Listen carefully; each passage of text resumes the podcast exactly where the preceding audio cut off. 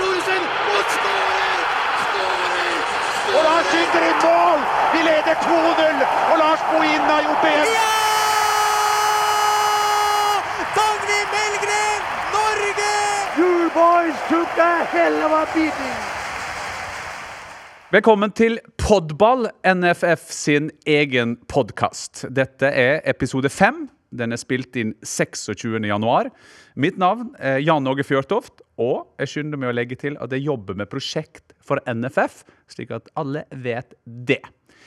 Dagens gjester det er Lise Klavenes. Hun har spilt 73 landskamper for Norge. Hun har skåra ni mål. Og så har hun klart noe som svært få fotballspillere klarer å gjøre. Hun har fått seg en ordentlig jobb etter sin fotballkarriere. Hun er jurist, jobber med personvern og er en veldig fin stemme i samfunnsdebatten i og rundt fotballen. Og i tillegg til det så er hun også ekspertkommentator i NRK. Ved siden av henne sitter Leif Welhaven. Han er kommentator i VG. Idrettsbakgrunn. Han har vært i stallen til Stabæk. Han er også lidenskapelig maratonløper, vil jeg si. Noen er jo også det. Eh, Han har da, sammen med kollegaer i VG, vunnet Scoop-diplom for prosjektet om åpenhet og innsyn i idretten. Og leser du en avis eller er du på nett innimellom, så er det en stor sjanse for at Leif har også jobba natten før med å få fram sin mening i media. På min høyre side, for dere som ser det svart-hvitt, så det heter i gamle dager, der sitter kommunikasjonssjefen i NFF. Han eh, leder som regel denne podkasten, men i dag har vi bytta side, i og med at han da skal forsvare, forklare og representere Norges Fotballforbund. Har også en bakgrunn fra forskjellige sider i norsk idrett, men nå altså kommunikasjonssjef i Norges største særforbund, Norges Fotballforbund. Vi hadde også invitert eh, Frode Lia fra Josimar, men han er dessverre syk, så han skal vi invitere en annen gang når vi diskuterer lignende ting i dalstrøka utenfor. Det skal altså handle om åpenhet, og det skal handle om behovet og hvorfor åpenhet er så viktig i norsk eh, idrett. Og Leif, vi kan jo da begynne med deg. Hvorfor er det så viktig at eh, det norske folk får vise, vite absolutt alt man driver med i idretten? Altså, utgangspunktet, Idretten er noe som er felles. Idretten er folkets. Det er noe som er samlende. Og da er det faktisk, og det er i tillegg altså, noe som tilføres veldig betydelige offentlige midler. Da er det noe med at uh, folk uh, flest har et sånn sett, altså, berettiget krav på å få vite hvordan tilliten blir forvaltet av den som altså, sitter med makten i en så stor organisasjon som norsk idrett er. Da er det viktig at, sånn sett, altså, prosesser er transparente, at vi får vite hvorfor ting blir som de blir. Og da er det viktig at det ikke blir en sånn lukket nett nettverksbasert kultur, hvor kamerater rekrutterer hverandre. hvor altså de reelle... Noe du mener det er i dag? Noe jeg mener at det er langt på vei ikke, altså Det finnes selvfølgelig unntak, men noe jeg mener at det i altfor stor grad har vært. Hvor altså de reelle beslutningsprosessene har foregått i lukkede rom, og hvor det ofte blir sånn skinndemokratiske avgjørelser når, kommer, når det kommer når det kommer til stykket. Så Sånn sett så syns jeg at det i altfor stor grad er et uh, sprik mellom hvor demokratisk idrettsbevegelsen hevder at den er, og hvordan det nå gjennom to år er avslørt at store deler av lederkulturen har vært, og delvis fortsatt er. Svein, hvor ofte er det du våkner om morgenen og så tenker du når du ser at det er et eller annet Leif eller noen annen, og så er du glad for at de har tatt I istedenfor F? At det står NIF og ikke NFF? For vi andre som har fulgt med litt på siden, vi husker jo at det var NFF som satte i gang hele prosessen. Jeg er glad for to ting når jeg våkner. Det er at jeg ikke jobber i NIF eller NSF. Hvor din bror er kommunikasjonssjef. ja, Norges Skiforbund. Riktig.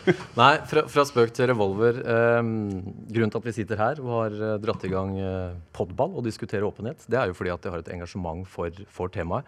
Jeg sa før vi gikk på her at det å ha hatt permisjon i tre år, i hvert fall delvis vært utenfor uh, NFF-systemet. Jeg har jobba med landslaget, men hatt jobb i Ullevål Mediasenter.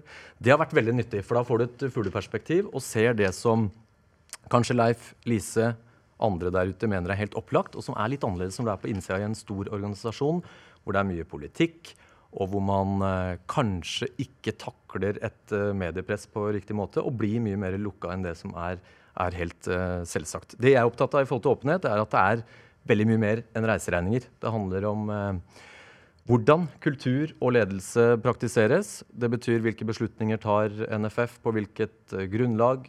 Hvordan bruker vi penger, og hvorfor. Eh, og det som er bra med åpenhetsdebatten, det er jo at uh, den har jo endra metodikken og bevisstheten.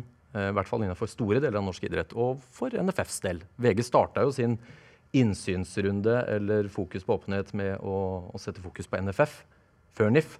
Og det er vel ikke vanskelig å si at NFF strevde innledningsvis med å definere åpenhet. Hva slags innsyn skulle man gi på reiseregninger, bilagsnivå osv. Så, videre. Så NFF har jo kjørt både to og tre runder i styret før man har klart å definere åpenheten uh, og gi en skikkelig form for uh, innsynsmuligheter for media. I dag kan uh, media få innsyn i reiseregningene på bilagsnivå.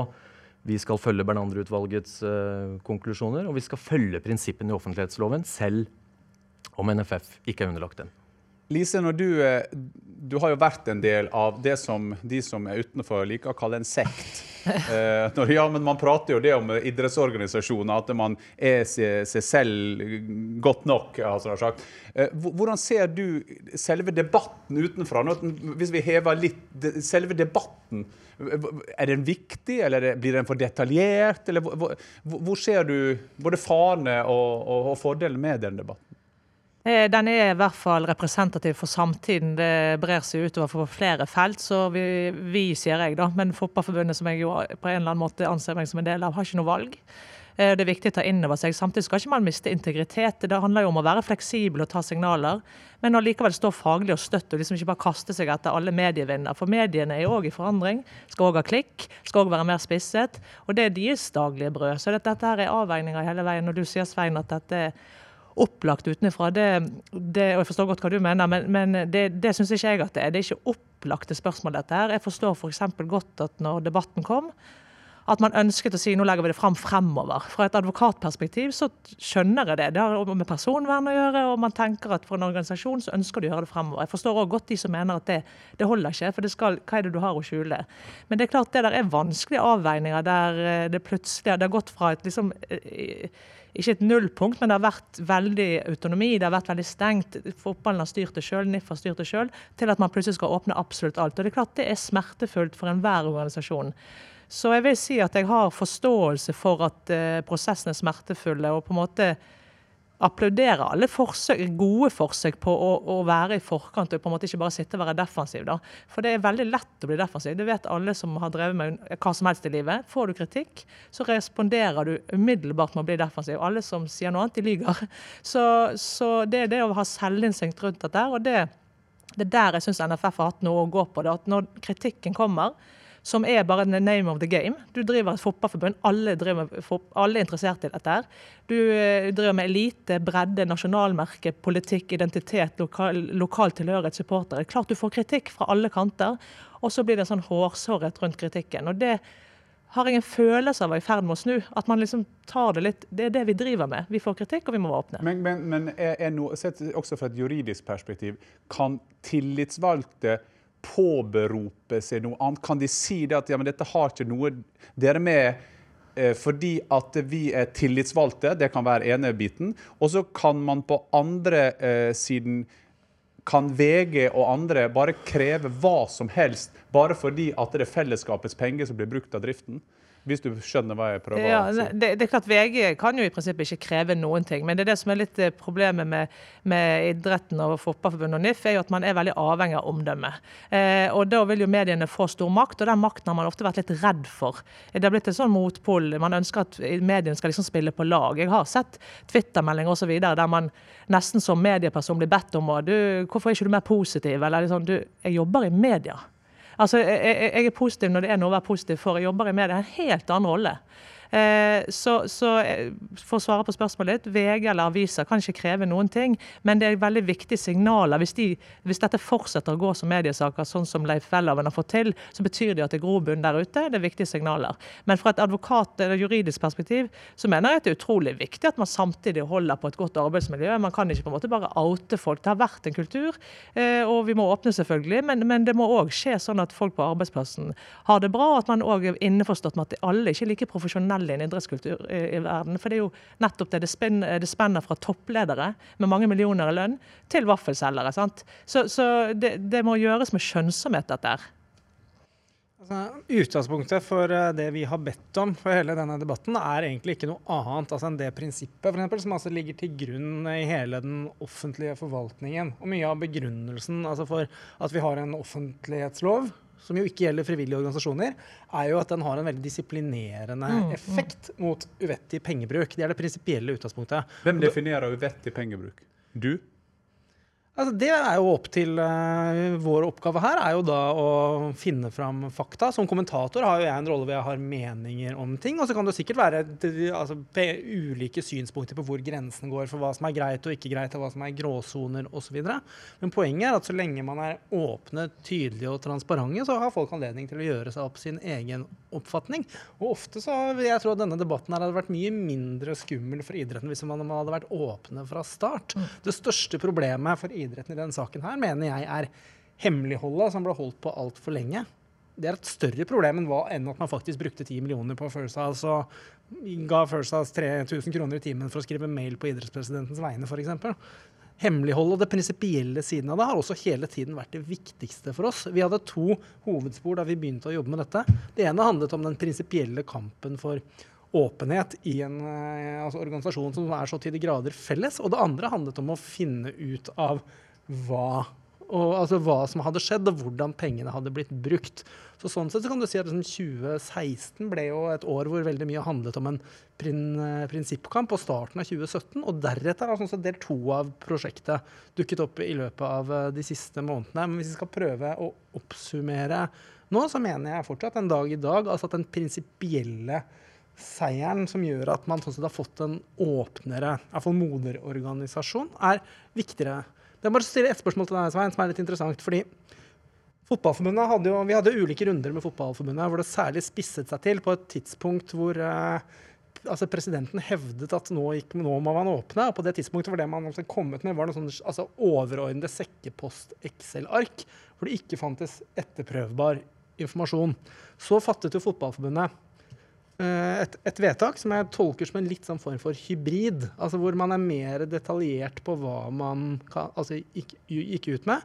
Vi fikk en del informasjon om den forrige generalsekretæren osv., men vi fikk ikke informasjon på bilagsnivå. Hvis man sammenholder det Fotballforbundet gikk ut med da, med det Norges idrettsforbund har gjort nå, så er det åpenbart en forskjell. Og, Ja, og da er spørsmålet mitt, hvis vi nå kommer, vi har ikke gjort det ennå, men hvis vi kommer tilbake til deg og spør om vi kan få eh, altså informasjonen fra deg på bilagsnivå, så fra hva du sa, så tolker jeg det som at det kan vi. Ja, Svaret på det er tydelig ja. fordi det er helt riktig at øh, og det var derfor jeg sa at Fotballforbundet brukte litt tid og, og strevde på å definere den åpenheten. Men det ble fatta et eget styrevedtak på at man åpner og får innsyn på bilagsnivå når det gjelder president, generalsekretær og NFFs administrative ledelse for øvrig. Så vi har innsynsbegjæringer nå fra Aftenposten, Josimar. Men, men, eh, men Svein, eh, når du eh, Leif var jo inne på det her. NFF det begynte med at man, det, man fikk en del spørsmål fra media la vi si det da, fra media for at man vil ha innsyn. Ble det aldri vurdert da fra NFF sin side å bare legge det ut og være ferdig med det? For det går jo an å argumentere og så si at vet du hva, vi hadde den middagen, det var biff med bearnés, og vi drakk en god rødvinsflaske, og da signa vi en deal som var verdt 30 millioner, som vi kan bruke til aktiviteter i hele Norge. Var ikke det vurdert det å bare legge det ut? For ofte er jo det sånn at det er mer reaksjon som blir saken. For jeg opplever nesten med VG nå siste halvår så har det egentlig handla mer om hvordan man har reagert på det som har vart tidligere. Var det aldri vurdert at vet du hva, vi bare legger ut alt, og så er vi ferdig med det, og så får vi stå i det et par døgn? Ja, men, og da er jeg litt inne på det Lise sier med, med prinsipielle ting. For det er én vesentlig forskjell fra Idrettsforbundet og Fotballforbundet, og som kanskje forklarer litt tankesettet den gang, uten at jeg satt i NFF-stolen da. Og det er jo at NFF finansierer sin egen virksomhet så å si 100% Over 90% av inntektene til NFF kommer fra medieinntekter, kommersielle avtaler. Og da tror jeg at når man blir utfordra på hvordan man bruker penger i enhver middag, enhver reise, eh, og det blir umiddelbart satt opp mot vaffelstekerne i grasrota, så tror jeg at ledelsen følte at det var urimelig. Her hadde man en historisk medieavtale på 2,4 milliarder som fellesskapet tjener på. Eh, som kanskje forklarer noe at man var, var, restriktive. Men så er mitt poeng at NFF er like fullt en medlemsorganisasjon. Vi er, den, vi er det største særforbundet. 375 000 medlemmer. Og da må du finne den balansen om at selv om VG og Leif ikke skal få innsyn i alt, så bør vi åpne opp for de overordna pengestrømmene, hvordan det brukes. Og det har jo styret da etterpå sagt ja til.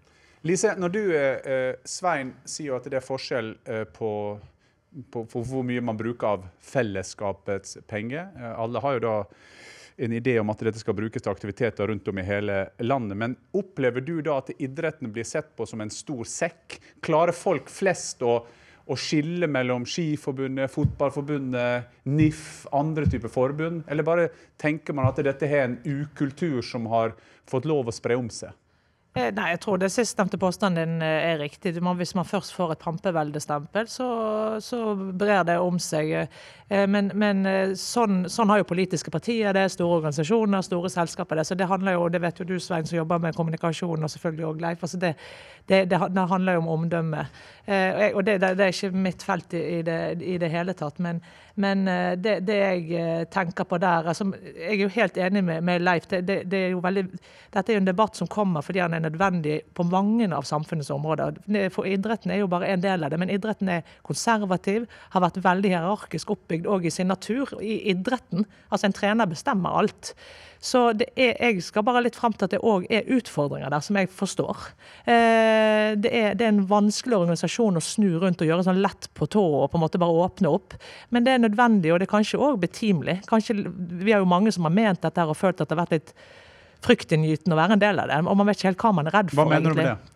Denne følelsen av at hvis du har en meningsytring, så er du i opposisjon. Og så har ikke du ment å være i opposisjon, men du får liksom bare vite det. Og jeg har personlig opplevd mange ganger at jeg har blitt omtalt som en, en, sterk kritiker av NFF. Som jeg rett og slett eh, kjenner meg overhodet ikke igjen i. Jeg har spilt her i mange år. Jeg har hatt mine lykkeligste øyeblikk. Jeg kommenterer kamper. Men hvem er det som sier at du er negativ da, til Nei, NFF? og Det kan ofte være ryktebasert, eller at jeg får eh, f.eks. når Ada Hegerberg sluttet på landslaget, skrev en kronikk, og da fikk jeg flere meldinger. Ha-ha, jeg ser du ikke vil jobbe i NFF. Og jeg må si jeg er så naiv. Fra NFF? Nei, nei, folk, folk, flest. Men de som mm. opplever at gud, nå, nå kolleger av meg i NFF syns at nå er hun Lise Klavenes på ferde igjen. Og, og, da kjenner jeg at jeg selvfølgelig kan bomme på ting, men jeg, jeg kjenner at det er feil spor, da. Eh, det er feil spor å på en måte oppleve eh, refleksjoner ute som, som, at man har kritikere. Man må, man må, det er en rolleforståelse. Og igjen så behandler jeg idrett nå som en helhet, for jeg vet at det gjør jo ikke folk flest i NFF. Men min eh, opplevelse som utøver særlig, vil jeg si, var at uh, kom du med en meningsytring, som selvfølgelig må være innenfor rammene, det vet jo du som har spilt i Norge, det, det, vi vet jo hva lojalitet er. Du vet hvor tid du driter deg ut for å snakke bergensk. Men, men Eh, men du har meningsytringer fordi du eier din idrett, du er engasjert i det du driver med. Og veldig fort blir det tatt som opposisjon. Og Poenget mitt er at det, har, det er jo de, ofte de samme lederne som blir valgt inn, de samme trenerne og lederne som blir valgt inn til å være toppledere. Mann 55? Ja, altså Man kunne like gjerne vært kvinne, det, men det ikke, man har ikke valgt folk ut fra kompetanse, ut fra utdannelse og kompetanse fra lederskap, næringsliv, kommunikasjon. Man velger folk som har vært gode i idrett, altså som har vært som, som meg og deg. Altså, Vi er vant til en hierarkisk oppbygging. Vi må jo kaste oss runt og finne fleksibilitet hvis vi skal inn i den, inn i den verden der. Så jeg, jeg skal nok fram til at jeg har forståelse for at det er en utfordring når eh, selve produktet er så hierarkisk oppbygd som, som det i hvert fall er i fotballen. La vi ta ett skritt tilbake, Leif, før vi går to fram igjen. Hva er norsk idrett? Hvem er norsk idrett, og hva er norsk idrett? Altså, norsk idrett er jo veldig mange ting på likt. Altså, norsk idrett er ikke én Det er veldig vanskelig å definere presist, fordi altså, norsk idrett er, en, er, komplekst. Norsk idrett er hverdagen til alle som har uh, barn på breddenivå, som uh, leker og beveger seg fysisk. Norsk idrett er spissing av OL-troppen for å gjøre sitt ytterste. Norsk bredde er kom kameratkulturen fra folk som er langt over middags... Og det skal du ødelegge. Langt over middagshøyden. Leif. Welhaven, dette skal du ødelegge, sier de. Du ødelegger det med måten du, du prater kun negativt om norsk idrett. Så jeg ville nå definere hva norsk idrett var, for å si at det, for vi følger jo med på sosiale medier. Du ødelegger norsk idrett, du skriver bare negativt. Og det er litt sånn så for å følge sporet til Lise. Du skriver kun negativt om norsk idrett. Når var det du skrev noe positivt sist om norsk idrett? For det første har jeg skrevet en haug med positive kommentarer også om idrettsprestasjoner. Men det som blir litt snodig, er at jeg mener jo faktisk at kjernen i dette åpenhetsprosjektet og det som det har fått flyttet, faktisk er veldig positivt for norsk idrett. Fordi norsk idrett har godt av en ledelse som styrer etter andre prinsipper enn det, den faktisk eh, har, eh, enn det som faktisk har vist seg å ha vært tilfellet. Og de som altså tolker dette som at det er en sånn hatforhold fra VG-redaksjonen til norsk idrett, har etter mitt syn ikke forstått, har etter mitt syn forstått veldig lite av hva det er vi faktisk har holdt på. Kampanjejournalistikk. Eh, løpe i flokk. Det er ting du blir kastet etter det. Hvordan forsvarer du for det? Dette handler om, for det første handler det om et, et helt, sånn- helt sånn journalistiske kjerneverdier. Som, altså hvor, hvor åpenhet er noe av det aller viktigste å trakte etter. Men også i et sånn overordnet samfunnsmessig perspektiv så mener jeg at det som har ligget til grunn for veldig mye av den jobben det som vi har gjort, har vært og, altså, sånn så kan kan du gjerne kalle det kampanjen. Altså, du kan si at det er altså, for, for bevisst, systematisk arbeid for å, for å sånn sett, altså bevege en så stor bevegelse, etter mitt syn, i en sunnere retning, som jeg mener at også kommer norsk idrett eh, til gode. Og de som mener at ved å sånn f.eks. kritisere kommunikasjonsform osv. til toppledere i norsk idrett, at det er det samme som ikke setter pris på om Norge vinner et OL-gull, eller om det er morsomt på barnefotball. Da mener jeg at man sånn sett bruker nesten andre former av idretten som sånn form for retoriske gisler for å verne topp, altså toppledere, som gjentatte ganger altså har vist seg ganske lite skikket til den jobben de er satt til å gjøre. Det ble en sånn ekstremvariant av epler og pærer. Eh, bare, bare Ja, en kommentar til det. fordi Jeg er jo eh, helt med på at VGs eh, fokus på åpenhet i norsk idrett har vært utelukkende bra totalt sett. Fordi det har endra en del eh, prinsipper. Eh, det ser vi nå i, i NIF, vi ser det i NFF og i andre særforbund. Det, det som kan være en utfordring, det er når det blir et stadig repeterende fokus på velkjente meninger du som kommentator har, mot de samme personene om og om igjen. Da tror jeg det fester seg et inntrykk hos en vanlig avisleser, nettleser, at, at det kan fremstå som en kampanje. Um, og det er noe med, med graden, mengden av det samme fokuset. Det er en refleksjon jeg har gjort. Ikke at jeg er uenig i mye av det du skriver, men jeg synes det, jeg syns det har blitt Ja, da repeterende. kan man, da kan man lure på For det første er jeg ikke helt enig i at det er så veldig repeterende, fordi det har vært et nyhetsbilde under eh, utvikling. Eh, men det er klart at det er jo et tema som har vart eh, over tid. Og da kan man diskutere hva hadde alter, alternativet vært. da? Altså, og hvem er det som har sørget for at dette har eh, dratt ut i, eh, dratt ut i eh, tid? Og også hvis man sånn sett fra en kommentators ståsted mener at det er en del prinsipielle forhold som vedvarer, så kan man jo da spørre om skal man liksom, Nå har man skrevet om det tre ganger, og så fortsetter mye av det som før. Uh, som før. Skal man da liksom si at nå var begeret fullt, og det var det? Eller skal man sånn sett, rett og slett altså stå, øh, stå distansen? Hvis det, alt man skriver er helt likt, så er jeg sånn sett enig i at det sikkert kan være repetitivt. Men jeg mener at substansen i det vi har uh, skrevet om, har, altså, har vært konstant under, ut, under utvikling. Svein, hva er det vanskeligste eh, Leif var jo, Lise var jo også inne på det, jo på hvordan vi blir oppfatta, hvordan vi kommuniserer. Er en av de største utfordringene du har i en organisasjon som NFF, at hvis folk oppfatter NFF på en måte, så er det kanskje et miljø som sier at da er det noe gærent med de som oppfatter en sånn, eller istedenfor å ta tak i hvordan man er selv for å tenke på hvorfor man blir oppfatta sånn? Ja, og det er jo et hovedproblem, syns jeg, i eh, norsk idrett når det gjelder åpenhet. At man har vært lukket istedenfor å gå ut aktivt og forklare hvorfor man tar de beslutningene man, eh, man gjør, og hvorfor man bruker penger som man gjør.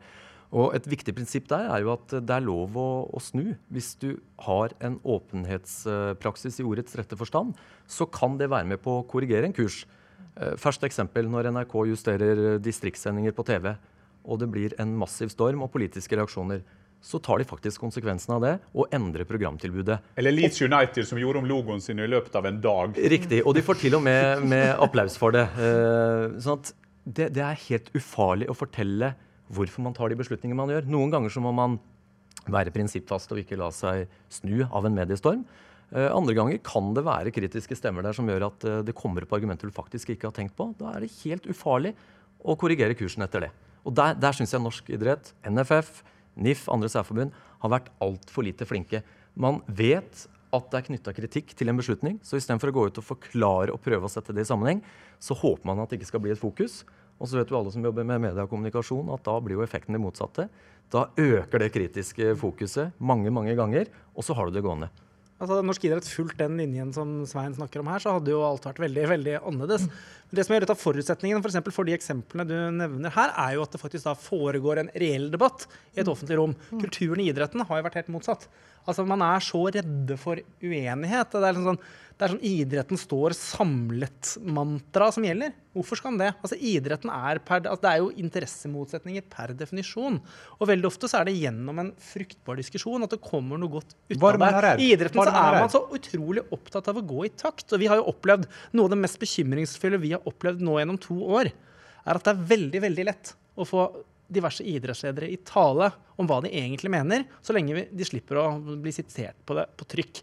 Til øyeblikket de skal stå for noe åpent, så er det fort noe helt annerledes. Og da går det an å spørre seg hvor langt man faktisk har kommet. Når vi altså nå bare for et par dager siden opplever at det skal holdes et informasjonsmøte fra NIF-ledelsen om hva som har kommet fram i disse bilagene, man også velger å stenge døren for, eh, for debatten. Skal vi legge til at NIF ikke er rundt bordet her, så da skal vi prate litt generelt. Men eh, det kan vi ta videre i, i det. Lise? Eh, nei, jeg syns Svein er inne på noe her, et stikkord for meg i hvert fall, dette begrepet av farlighet. At man opplever at kritikk er farlig, og, som er en menneskelig reaksjon. Men en, en så stor organisasjon må være rigget for det. Og jeg tror at det er, det er farlig for Fotballforbundet med masse kritikk. For det er en veldig posisjonerende eh, organisasjon, i hvert fall vært det. Nå har ikke jeg innsyn lenger. eh, og Kan mulig- kreve innsyn, da, vet du. Ja, men, ja, sant. Begjæret, det er noe. Du får ta det som en begjæring. Eh, nei, men- kjempekjeft av økonomiavdelingen. Tre nye årsverk i NFF. Nei, men dette, dette er jo kultur, dette er kulturspørsmål, så det, det er vanskelige tema. Jeg må si jeg er på en måte imponert og overrasket over hvordan vår, høsten eh, har vært, og ja, fjoråret, hvordan faktisk store kulturer har klart å endre seg, både i metoo-debatten, men òg den åpenhetsdebatten. Det, det er ting som jeg har trodd aldri Nei, dette er sementert, sånn er det. Og det har jeg tenkt òg med fotballen, for det er det jeg kjenner best. At det er en organisasjon og en kultur som er veldig posisjonerende. Det er en backstabbing-kultur, har vært. Man er redd for sin posisjon. Da skaper du på en måte ditt eh, harem og dine, dine følgesvenner, og du har liksom lojalitet. Du krever lojalitet. Landslagstreneren krever lojalitet fra sine spillere, for ellers er han eller hun ferdig. Og sånn har liksom kulturen vært, og ikke bare i fotballforbundene. Det er sånn det er liksom i, i fotballverdenen. Og det, det er en kultur som nok gjør at man opplever kritikk som, som farlig for sin posisjon.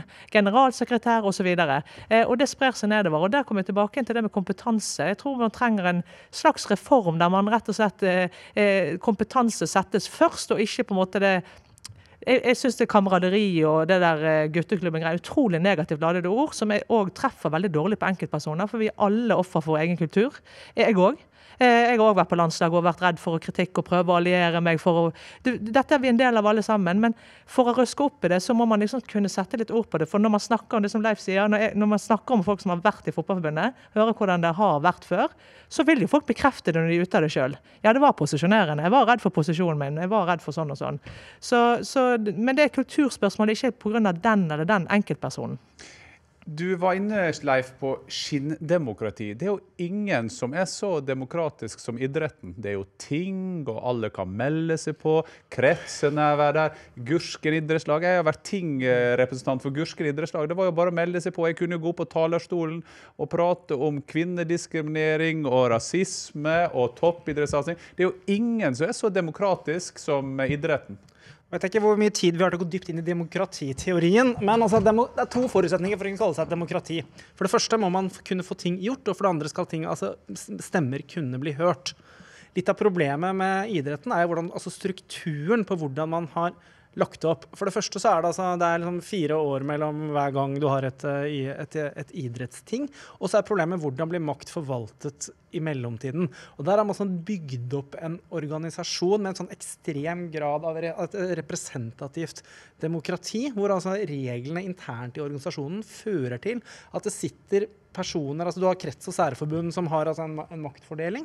Og uten å gå altfor mye i detalj, så er, det, er vi altså i en situasjon som gjør at du, hvis du holder deg inne med et ganske lite antall personer, så er det faktisk mulig å sånn sett eh, opparbeide Hva seg mener du det helt konkret? Hva veldig du? mye, Veldig mye makt. Og spørsmålet for eksempel, Ja. altså, idrettskretsene er, altså, det er jo da regionale. Og det er f.eks. ment å skulle være lytteposter ut mot grasrota, klubber osv. Men jeg mener at det langt på vei sånn at det har blitt en altfor sånn intern klubb, hvor man får eh, gutteklubb langt på vei, og hvor man i altfor liten grad tar inn over seg hvem man representerer. Eksempel så tror jeg at når det gjelder tilliten til Norges idrettsforbund i dag, hadde du hatt arenaer hvor de lenger ned kunne blitt hørt, så er jeg ganske sikker på at den mistilliten mot det sittende idrettsstyret hadde ført til de konsekvensene som det ikke får, så lenge altså, de valgte representantene, ikke nok av dem, på krets- og særforbundsnivå stemmer for et ekstraordinært Men er ikke det demokrati, da? For det, det er jo sånn at det, Hvem som helst, det er jo klare regler, f.eks. hvordan du kan kalle inn om det er et fotballting eller et idrettsting. Det er jo klare regler for det, og det er jo demokrati. Det er jo, du har flertall for det. Ja, Det er ikke engang flertall, det er ikke 40 eller noe sånt du trengs for å Men Du trenger 40 representanter 40 fra, forrige, representanter, fra forrige ting. Men det er jo men spørsmålet er da hvordan du bygger opp en sånn struktur. For så hadde du forrige helg så hadde du et sykkelting som da endte med at presi at presidenten fikk lov å sitte. Hvis man går for eksempel, da, i dybden og analyserer hvem som stemte for hva, så er det spørsmålet hvem har hvor mange stemmer, hvor mye har de ulike regionene versus hvor mye har klubbrepresentanter osv. Går man sånn til dybden der, så kan du for altså se at det virker, viser seg at det var mye altså større interesse for de som var grasrotrepresentanter for å få et ekstraordinært ting, enn for de som eksempel da var altså regi regiontillitsvalgte. Og der er spørsmålet sånn når du ser altså dette sånn veldig nitidig oppbygde systemet, så er spørsmålet sånn Er det da i praksis et fungerende demokrati som, opp, som altså tilfredsstiller de, de demokratiteoretiske kriteriene for å kunne kalles det? Eller er det representativiteten og makten i, til delegatene og på altså, blitt samlet på så få hender, som gjør at i stedet i praksis blir et sånn form for styringsverktøy for, uh, for ledelsen, slik at man kan altså etter hvert spørre om denne bli hørt-delen av demokratibegrepet faktisk fungerer eller ikke. Det skal Svein få svare for, men bare, vi tok bare kort legge til at det er jo ikke så stor forskjell på det på idretten og det i politikken. Altså Det er jo samme som antall mennesker i Oslo i forhold til delegater, antall delegater i Finnmark. Dette er jo et Dette, vanlig dette er prinsipp. kjempevanskelig. Altså, Sveits og Storbritannia er begge vestlige demokratier. Altså, de, de, men altså, strukturene er ekstremt forskjellige når det gjelder hvor styringseffektive versus hvor representative de er. Og det er det som er som også, så det er veldig vanskelig å få Du får ikke noe optimalt fungerende demokrati. Men jeg mener at idrettsbevegelsen har valgt en veldig veldig byråkratisk struktur som sånn sett legger opp litt for, at det blir litt for lett å konsentrere og misbruke, misbruke makt. Og for få referanser fra, i, i det daglige mellom hvert fjerde år. For få forbindelseslinjer mellom grasrot og topp. Eh, Svein, du er altså da kommunikasjonssjef for en sementert backstabbingskultur, guttekubben grei, og kommunikasjonssjef for et opplyst enevelde med et byråkratisk manglende demokrati. Nå oppsummerte jeg de ordene Du må som jobbe ble på desken! Du må jobbe på desken. du. Nei, jeg, tok, jeg eide mine, deres ord og gjorde om Var til det mine. Fifa eller Det var NFF? ikke, men, men Svein, eh, eh, det jeg vil fram til For dette her er jo ting som blir stempla på idretten, NFF osv. Hva er de store kommunikative utfordringene? For uansett hvordan vi snur og vender på om det er riktig eller galt, dette er det mange som mener. Jeg har lyst til å snu det litt på hodet. fordi at En hovedutfordring i norsk fotball det er manglende for liten deltakelse på fotballtinget. Der kan altså klubbene i tillegg til kretsene møte. Jeg nevnte 375 000 medlemmer, nesten 2000 klubber. Den desidert største idretten. Og så opplever vi på et fotballting at det er 120-130 stemmeberettigede. Det er et grunnleggende demokratisk problem som jeg syns er mye større utfordring enn kameraderiet på, på toppen av norsk fotball, hvis, hvis det er det Leif tenker på. At det er så lite? Det er todelt. Eh, Først og fremst må jo de som har meninger og et oppriktig engasjement på grasrota, som vi vet er der, de må jo bruke den politiske stemmen som, eh, som de har muligheten til på et fotballting. Eh, Du kommer ingen vei hvis du mener mye i hverdagen, men ikke bruker den formelle stemmemuligheten. Og så har jo vi sett på strukturene. Vi har gått fra fotballting hvert andre år til årlige fotballting. Vi har prøvd å ta de store prinsipielle diskusjonene på fotballtinget, mens regelflikkeriet, ordlyd i en paragraf, Det har forbundsstyret fått myndighet til å, til å ta seg av sammen med, med utvalg. Det tror jeg er en riktig vei å gå, som kanskje fører til at vi får et mye større engasjement på sikt.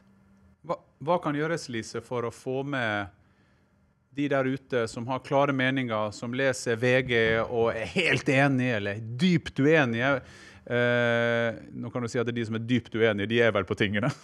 det må man kanskje legge til. Men, men, de som er der ute, som har klare meninger på hvordan både idrettslederne skal fremstå, hvordan idretten skal utvikles, hvordan skal vi få de engasjert også i idrettspolitikk?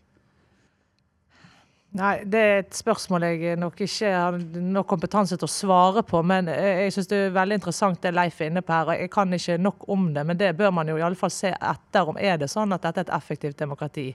Eh, fra utenfra sett så har man jo tenkt at det ikke er det. Men det kan godt være at det er riktig som Svein sier, at engasjementet ikke er stort nok, at folk ikke kommer og sånn. Men det er i hvert fall ingen tvil om at eh, kommunikasjon og tilgjengelighet må økes. Sånn at mennesker der ute blir mye mer klar om at det er de som eier denne organisasjonen. Alle på en måte, Du sier at du får masse medieinntekter inntekter. Ja, men det er òg medieinntekter som kommer fordi det er en populær idrett. Fordi den har så stor bredde. Så dette er en syklus som eies av på en måte de, de små. Eh, så min kjepphest i dette her eh, jeg, har, jeg, har, veldig lyst til å lære mer om dette du snakker om den demokratiske teori, for det er spennende. Det kan godt være at det ligger noe begravet eh, der som jeg ikke har tenkt på. Men, men på et litt høyere nivå iallfall, så har jeg tenkt at jeg jeg tenker at Fotballforbundet i alle fall, bør være mye tydeligere på hvorfor vi driver med dette. Og det er klart Vi, vi er nødt til å ha elite, vi er nødt til å ha et topp, men jeg syns for sjelden man får eh, fram det, det, det, breddeperspektivet. Ofte blir diskusjonen fordi folk som jobber her, er ofte veldig eliteinteressert, mens massene er jo interessert i bredden.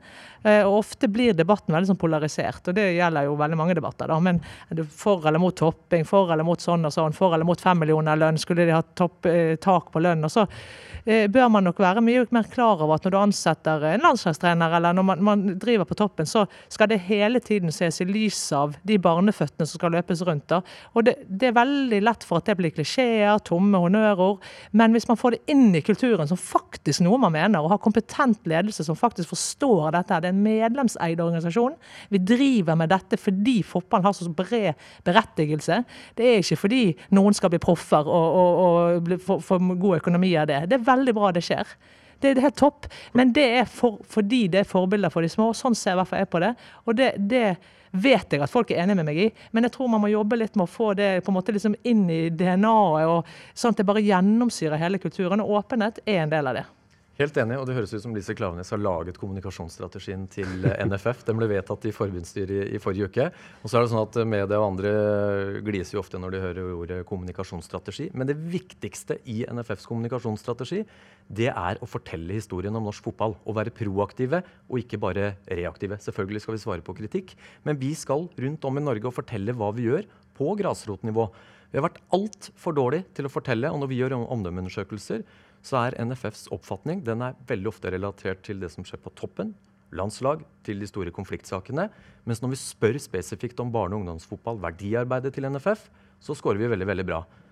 Så er det ikke sånn at vi skal skjule der hvor utfordringene ligger på toppnivå, men vi skal fortelle det som er igangsatt, og som er veldig, veldig bra. Nei, der, der, og det vil jeg da skyte inn. For, for uh, det har jeg òg tenkt på ved veldig mange anledninger, at uh, Fotballforbundet gjør jo det veldig mye bra med barn og unge. Jeg, jeg, jeg har jo bare gode minner fra på en måte, når man kommer inn i den talentsekkeposten. da, og eh, på en måte Den oppfølgingen som er, og på en måte det tilstedeværelsen som er i bredden, og, og den deltakelsen som er, og den likestillingen som er i ferd med å skje på, på grasrotnivå. Så det er selvfølgelig det er et kommunikasjonsstrategisk spørsmål, dette her, men jeg tror det jeg tror det, Av og til kan jeg få følelsen av at det noen ganger drives også bedre i bredden enn, enn når man skal drive de politiske beslutningene for, for uh, toppnivået. da. Eh, at det der blir mer uh, proteksjonistisk og en litt mer sånn ja, Og jeg vil absolutt ikke bli sitert på at det var en backstabbing-kultur. men jeg, jeg, Nei, jeg bare lånte et ord. Du lånte et ord. Men, men, det tror jeg er den følelsen veldig mange har. Og, og det er òg veldig komplekst. Det har òg med å gjøre at vi har midlertidige ansettelser av trenere. De, kan, de, er på, de er på nåde. Vi, veldig mange er på nåde nåde, de er på korte kontrakter osv. Så videre. så det, dette er ikke noe Fotballforbundet kan ordne opp i. Det jeg skal fram til, er at Fotballforbundet jobber i et veldig vanskelig farvann, men et veldig privilegert farvann. Masse makt, masse entusiasme. Du vil få kritikk, og da er åpenhet eneste måten man kan håndtere dette på. Det har en disiplinerende effekt, som Leif sier. Og da tror jeg man bare må Og det at det vet, vet jo Fotballforbundet nå, det har jo vært et år med, med masse turbulens. Det er bare å gripe muligheten til å formidle faktisk alt det gode arbeidet som gjøres. For det er jo Norges største idrett og mest populære idrett. Vi har eh, tatt med oss noen gamle idrettshelter med litt for mange kilo og litt for dårlige kne rundt om. Og vi var i Henningsvær, kom det 500 mennesker. Det kom 300 i Alta når vi eh, dro dit. Eh, og det der å komme ut, det er, tror jeg er en helt nøkkel i det vi har nå framover, og fortelle hva man driver med. Men Leif, hvis jeg kan gi deg navnet doktor Welhaven, og så skal du eh, sitte nå med pasient Svein Graff, og så skal du ta en diagnose for NFF. Hvor står Og en ny fastlege. En ny fastlege. Fastlegeordningen har jo vært diskutert, men vi får prøve det, Det en gang til. Eh, hvor- eh, hvor ser du NFF 2018? Hva er utfordringene? Hva, hva er det hvor, er det, hvor går de nå, tror du? Altså, jeg var Altså, Hvis du sammenholder NFF 2018 med NFF eh, noen år eh, tilbake, så vil jeg, faktisk si at jeg syns mye av at det er eh, tegn i tiden på at man er eh, på- eh, kurs til å forandre ting i en eh, bedre retning. Og veldig mye av dette handler, som Svein var delvis inne på, å for å kunne fortelle en historie med troverdighet proaktivt, som han sier. I tillegg til at man si, blir, må bli bedre rustet til å håndtere sakene i de situasjonene hvor man er re, reaktive. Fotballforbundet vil alltid være i eh, vanskelige situasjoner, men det har da vært for mange saker hvor Nå er ikke han her til å forsvare seg, men altså, særlig altså, fotballpresidenten har fremstått for dårlig retorisk forberedt til å kunne svare konkret på hva han blir spurt om. Og det er et landskap nå hvor det fungerer ikke lenger å fylle ting med tomme ord hvis man ikke følger det opp eh, med innhold. Så jeg tror begge de tingene må man faktisk gi. I tillegg så har det jo også det må jo sies at det også hjulpet Fotballforbundet litt at når det gjelder altså, I den grad NFF blir forbundet med A-landslaget, så var det jo et åpenbart kommunikativt problem. altså At den forrige landslagssjefen snakket i vendinger som i liten grad sånn sett appellerte til den eh, jevne nordmann. Det ble mye tåketale og mye floskler. og Der mener jeg også at jeg tror det skiftet av landslagssjef også sånn sett har gir en litt sånn kommunikativ drahjelp, for det er litt mer rene ord for penge, penge og man har tatt det litt, litt mer ned på jorden. Så jeg mener også sånn at det er mye som gjenstår, men jeg syns at det er grunn til å gi Svein og Fotballforbundet honnør på det de har begynt på. Jeg skulle virkelig ønske at noen av tankene her kunne flytte seg fra denne F-en til I-en, så kanskje ting hadde sett litt bedre ut borti gata her òg. Og, og familie. S-en S-en får, vi ta i det får vi ta i familieselskap. Men, eh, men eh, Svein, du må jo svare på det.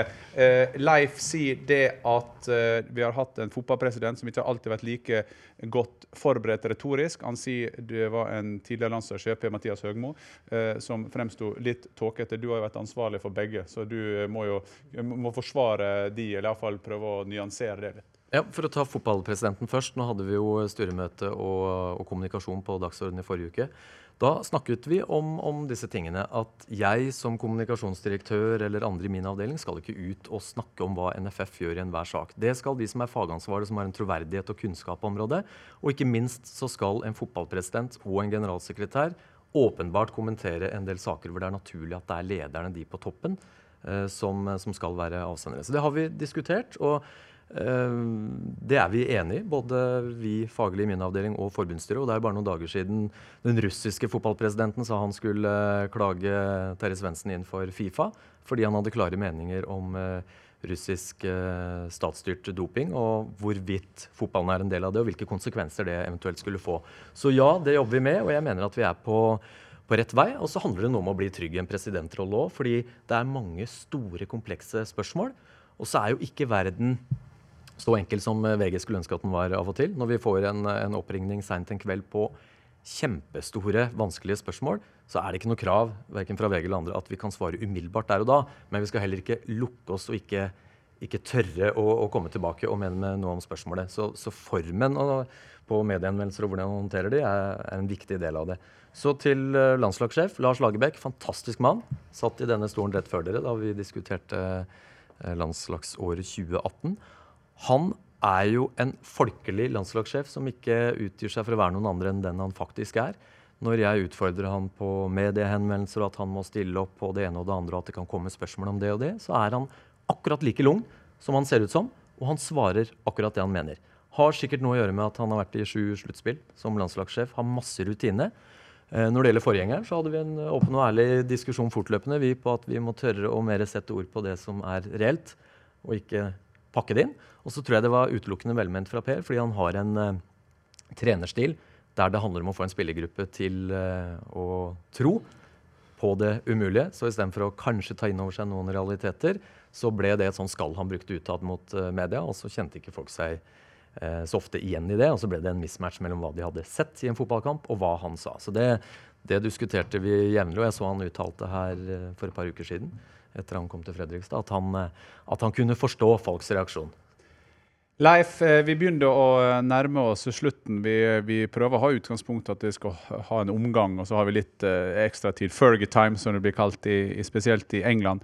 Er du ferdigskrevet nå, eller har du mer på lur? never, never. Nei, altså, vi har gjort en, et veldig avgjørende valg når det gjelder Vi mener at altså, norsk sportsjournalistikk Jeg liker ikke det ordet, forresten. Men altså, Hvorfor liker du ikke det ordet? Fordi det ligger noe sånn derre implisitt som at det skal være noe annet enn annen type journalistikk med litt andre kriterier osv. Så jeg mener at sport er et fagfelt på lik linje med økonomi og politikk osv. Hvor en stor del av det alltid vil handle om ting som er terminfestet. Men VG har fattet et veldig prinsipielt uh, vedtak om at vi skal følge sport med samme kritiske blikk som vi gjør andre samfunnsområder. Og vi kommer jo sånn sett til uh, aldri til å slutte å ha et, altså, et kritisk undersøkende blikk. Og så vil jo selvfølgelig hvordan ting utvikler seg osv. ha avgjørelse for hva slags type journalistikk vi lager. Men både fra vårt ståsted og jeg tror også fra idrettens eh, ståsted, så er det et, kritisk blikk på hva som skjer, og hvordan tillit blir eh, forvaltet av den som sitter med makten. Noe som har kommet for å bli, og noe som absolutt bør forbli i det offentlige rom. Lise, jeg ba eh, Leif i stad om å definere hva norsk idrett er, for vi kaster jo rundt oss med uttrykk hele tiden. Hva er en pamp? eh, nei, hva er en pamp? Eh, ja. Nei, et pampevelde for meg i alle fall er jo at man driver med gjenytelser av tjenester og på en måte ikke kvalifiserer ut fra kompetanse og resultater. og det, det, er urettferdig å si det om, om Norges Fotballforbund som en hovedkarakteristikk. Det, det vil jeg virkelig si. Takk. Ja, nei, det, det, I hele min tid så vil jeg si at det er feil, men jeg tror nok i det for stor grad. Og det er det indirekte og ubevisste dette skjer. Jeg har respekt for kulturer, men de må røskes opp i. Og når noen av oss, og jeg har gjort det for sjelden, men har prøvd å røske opp i det, så blir vi utmattet, for det føles som at man er illojal på en eller annen måte. Og det er for oss som hører, kommer fra denne verden, ikke som Leif, men som liksom har vært landslagsutøver og på en måte eh, kommer og identifiserer oss med ens tilhørighet, så er det faktisk eh, noe som gjør at du velger kanskje litt minste motstandsvei en annen gang. Men, men eh, det skal fram til at det ligger en litt sånn indirekte greie i kulturen om at man skal ansette folk som gjerne man syns var ledertype på banen, eller altså det blir en, et indirekte pampevelde for du, du syns sjøl at du gjør gode kvalifik eh, kvalifiseringer. Men det er ikke konkurranseutsatt på en, på en, profesjonell måte. Det er ikke utdanningsbasert. Da sier ikke jeg det er flinke jurister i Fotballforbundet, flinke folk, eh, men, men eh, sportssjefer osv. Dette gjelder òg i klubber. Det har vært en sånn et lukket system der man velger blant sine. Og det, blir, det er faktisk et pampevelde, selv om man, man, ikke tenker på det sånn. Jeg, jeg gjør ikke det sjøl heller. og Gutteklubben greier sånn. Forferdelig egentlig sånn eh, litt begreper som nå justisministeren òg bruker, som får sporet vekk med monster. du vet sånn, det får, det får, sporet vekk fra det det handler om. For det det handler om, er at man ikke har disiplinerende eh, blikk utenfra. Man har ikke maktfordeling. Der er mediene viktige. Mediene skal også tjene penger. så vi, klart Man kan ikke være ukritisk til alt som foregår. De, de, de lever jo av dette. Men de har en veldig veldig viktig ja, maktfordelingsrolle, rett og slett. Og for første gang i min tid i hvert fall, så foregår det en reell maktfordeling ved at mediene tar det på alvor. Eh, det er ikke en sånn heiajournalistikk og på en måte bare sånn 'den og den må gå'. Den landslagstreneren må gå. Sånn var det før. liksom Gjorde det dårlig, nå må Drillo gå. Må, så Det var liksom der det stoppet. Men nå er det faktisk profesjonelt eh, eh journalistikk og innsyn, der man krever, og ikke minst òg eh, rettslig forfølging. Det, det, opplevde jo Fotballforbundet med guttomdeling osv. Man, man faktisk må stå til rette for usaklige oppsigelser osv. Og, så og det tror jeg det er smertefullt når det skjer. Og jeg, for, jeg, jeg forstår at det er det. Og de, de, som ikke sier at det er det, de har ikke tatt det helt inn over seg. For det er vondt å snu kulturer. Men det blir jo mye bedre når man har, har det gjort. Jeg tror faktisk at det passer den norske kulturen eh, mye bedre enn vi tror. Svein Graff, du sa innledningsvis at åpenhetsdebatten var mye mer enn reiseregninga. Hvis vi skreller alt bort. Handler dette her om at det, hvis ikke idretten klarer å produsere åpenhet og skape en åpenhetskultur, så vil til slutt sponsorene, samarbeidspartnerne til norsk idrett, si at dette ønsker ikke de aktive, eh, til å identifisere seg med. Da forsvinner ressursene. Da forsvinner ressursene til å holde aktiviteten eh, rundt om i hele landet. Er det egentlig det det handler om hvis vi skreller bort alt? Jeg tror det handler om én ting tillit. Eh, Dersom du kan stå for valg du har gjort og forklare omverdenen hvorfor, og ikke minst da i forhold til kanskje særlig pengebruk, så er det tillitsskapende. Eh, Gjør du det ikke, så blir det en mistenkeliggjøring, og, eh, og man lurer på om du driver med en virksomhet som du ikke kan stå inne for. Det syns jeg er litt forenkla sagt utfordringen til norsk, deler av norsk idrett. Eh, Og så håper jeg at vi klarer å skille de store, viktige prinsipielle spørsmålene, og at vi kan skrelle bort uh, dundersalt på en eh, reiseregning. Det syns jeg ikke hører hjemme i en åpenhetsdebatt. Det er godt med dundersalt, uh, men det er kanskje ikke vi skal ta på reiseregninga. Men uh, takk til gjestene. Dere har hørt på Podball, NFF sin egen podkast. Vi har hatt med oss Lise Klavenes, Leif Ha- Welhaven og Svein Graff. Takk til dere. Og først og fremst takk til alle de som akkurat i dag kjører en jente eller gutt til trening. Og i dag de som er trener eller støtteapparat for barn som får lov til å gjøre det kjekkeste i verden, spille fotball. Tusen takk for oss.